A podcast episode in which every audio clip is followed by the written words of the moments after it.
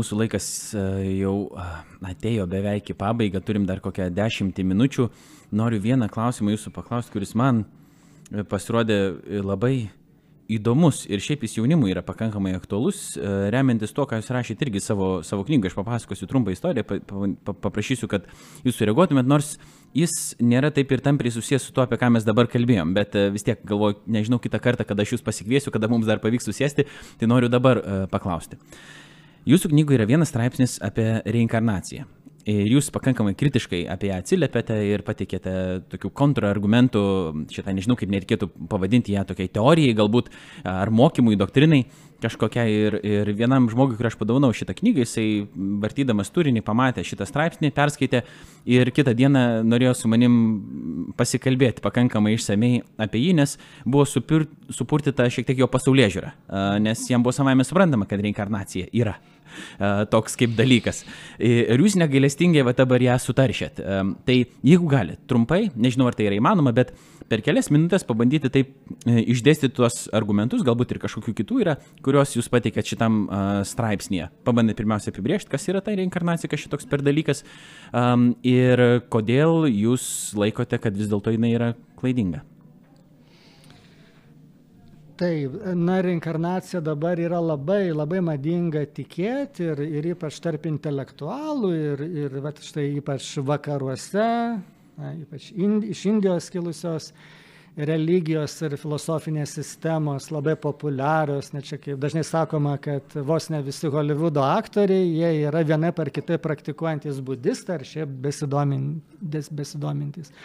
Budizmu. Tai tai be abejo, dabar aš čia tikrai neketinu tų, tų religijų ar filosofijų kritikuoti, bet tiesiog norėčiau atkreipti dėmesį į tai, kad e, kai mes e, kalbame apie savo testinumą e, laikė ir, ir sakytume, tuo pačiu pavydalu, ar daug, daug maž panašių pavydalų, čia be, be abejo, budistai galėtų sakyti, kad jie nekalba apie subjektą, jie kalba tiesiog apie tam tikrus na, sąmonės elementus, kurie ten persikonfigūruoja ir ten e, kaž, kažkas kita yra negu, negu tapatus savo subjektas. Bet, bet dabar į tai nesigilindami, na, tiesiog galėtume pasakyti, kad reinkarnacija tai yra manimas, kad tavo siela ar, ar kažkokia dvasinė e, savastis, ji e, peržengia tavo e, fizinio gyvenimo ribas ir tu, tu tiesiog atgimsti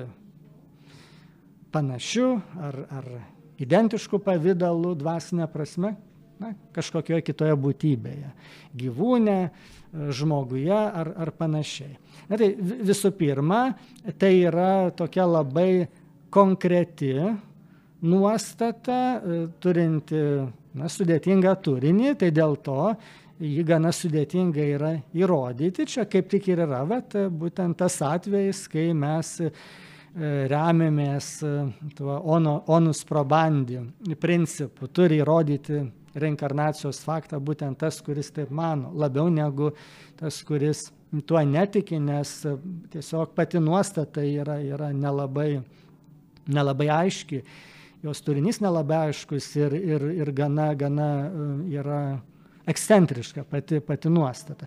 Bet mano kritika reinkarnacija labiau yra susijusi su, su etiniais aspektais. Na, ten yra taip manoma, kad jeigu aš tikiu reinkarnaciją, tai tada aš galėsiu pabaigti tuos darbus, kurių nepabaigiau, arba ištaisyti e, tas klaidas, e, kurias padariau. Tai čia panašu kaip e, ėmimą paskolos iš banko, nesitikint atiduoti tą skolą per ribotą laiką, kuris mums duotas šioje žemėje, nes bus galima toliau persiskolinti begalybę kartų, nes aš begalybę kartų gyvensiu.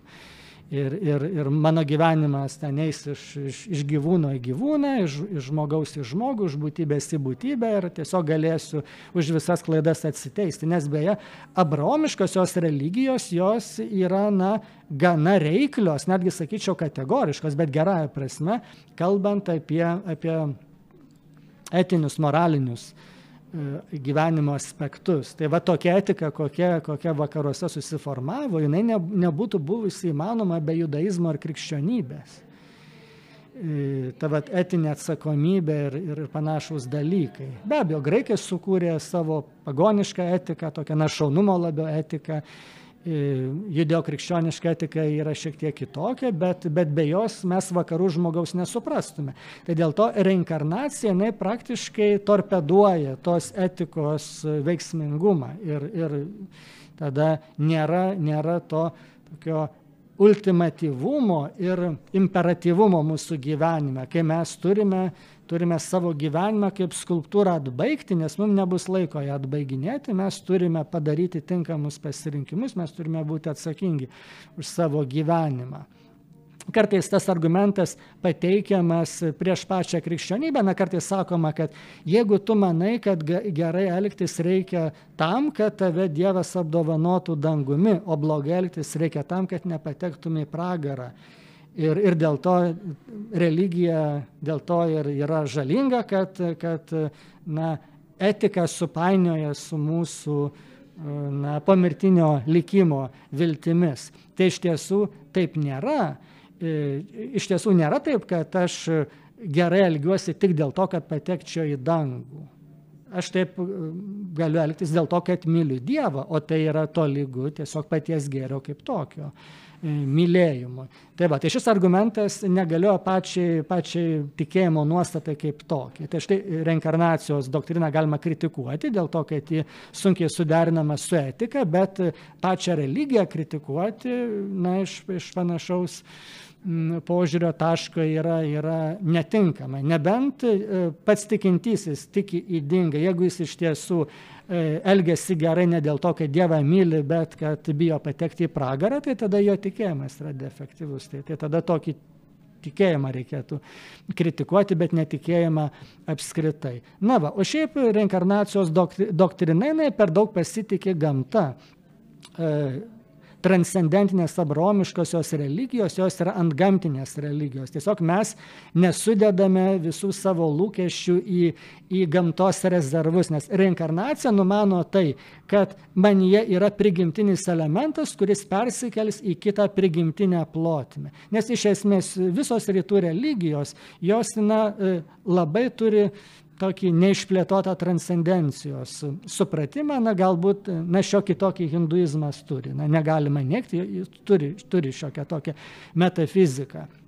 Bet pavyzdžiui, šintoizmas, daoizmas, tos ypač rytų Azijos religijos, jos yra gamtinės religijos, jos imanentinės religijos. Tai žmogus, kuris e, tiki gamta, jisai tada visus savo lūkesčius sudeda į gamtą. O būtent mokslas jis ir naudingas tuo, kad parodo gamtos e, resursų baigtinumą. Na visų pirma, mes žinome, kad, kad visa tai turėjo pradžią laikę. Prieš 13,8 milijardų metų įvyko didysis sprogimas Ir, ir e, pati visa tai jinai egzistuos na, ilgą laiką, bet, bet stabili medžiaga bus, bus ne visada. Ir pats erdvėlaikis tikėtina galbūt irgi dezintegruosis. Tai, tai žodžiu, gamtos resursai yra baigtinė. Tai galbūt čia jau taip darant prielaidą, kad ta reinkarnacija gali kažkiek tų ciklų e, išgyventi, vykti. Tai vis tiek ateis ta riba, kur gamta jau negalės negalės e, mūsų tapatybės e, užtikrinti. Kažkada tas mūsų prigimtinis elementas, mumis esantis elementas suirs arba ta terpė, kurioje mes galime įsikūnyti, jinai taip pat suirs. Tai čia tik tai tie, kurie fizikos na, nėra ragavę, jie gali tikėti, kad ten iki begalybės tas procesas tęsis.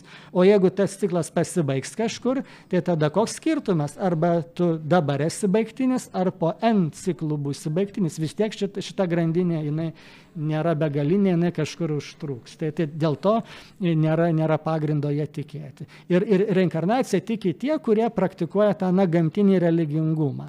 Tai tie, kurie na, mano, kad gamta graži, mes tiesiog susiliekime su gamta, ištirpkime gamtoje ir Dievas yra gamta ir, ir viskas gražu. Tai čia yra toks romantizuotas požiūris į gamtą.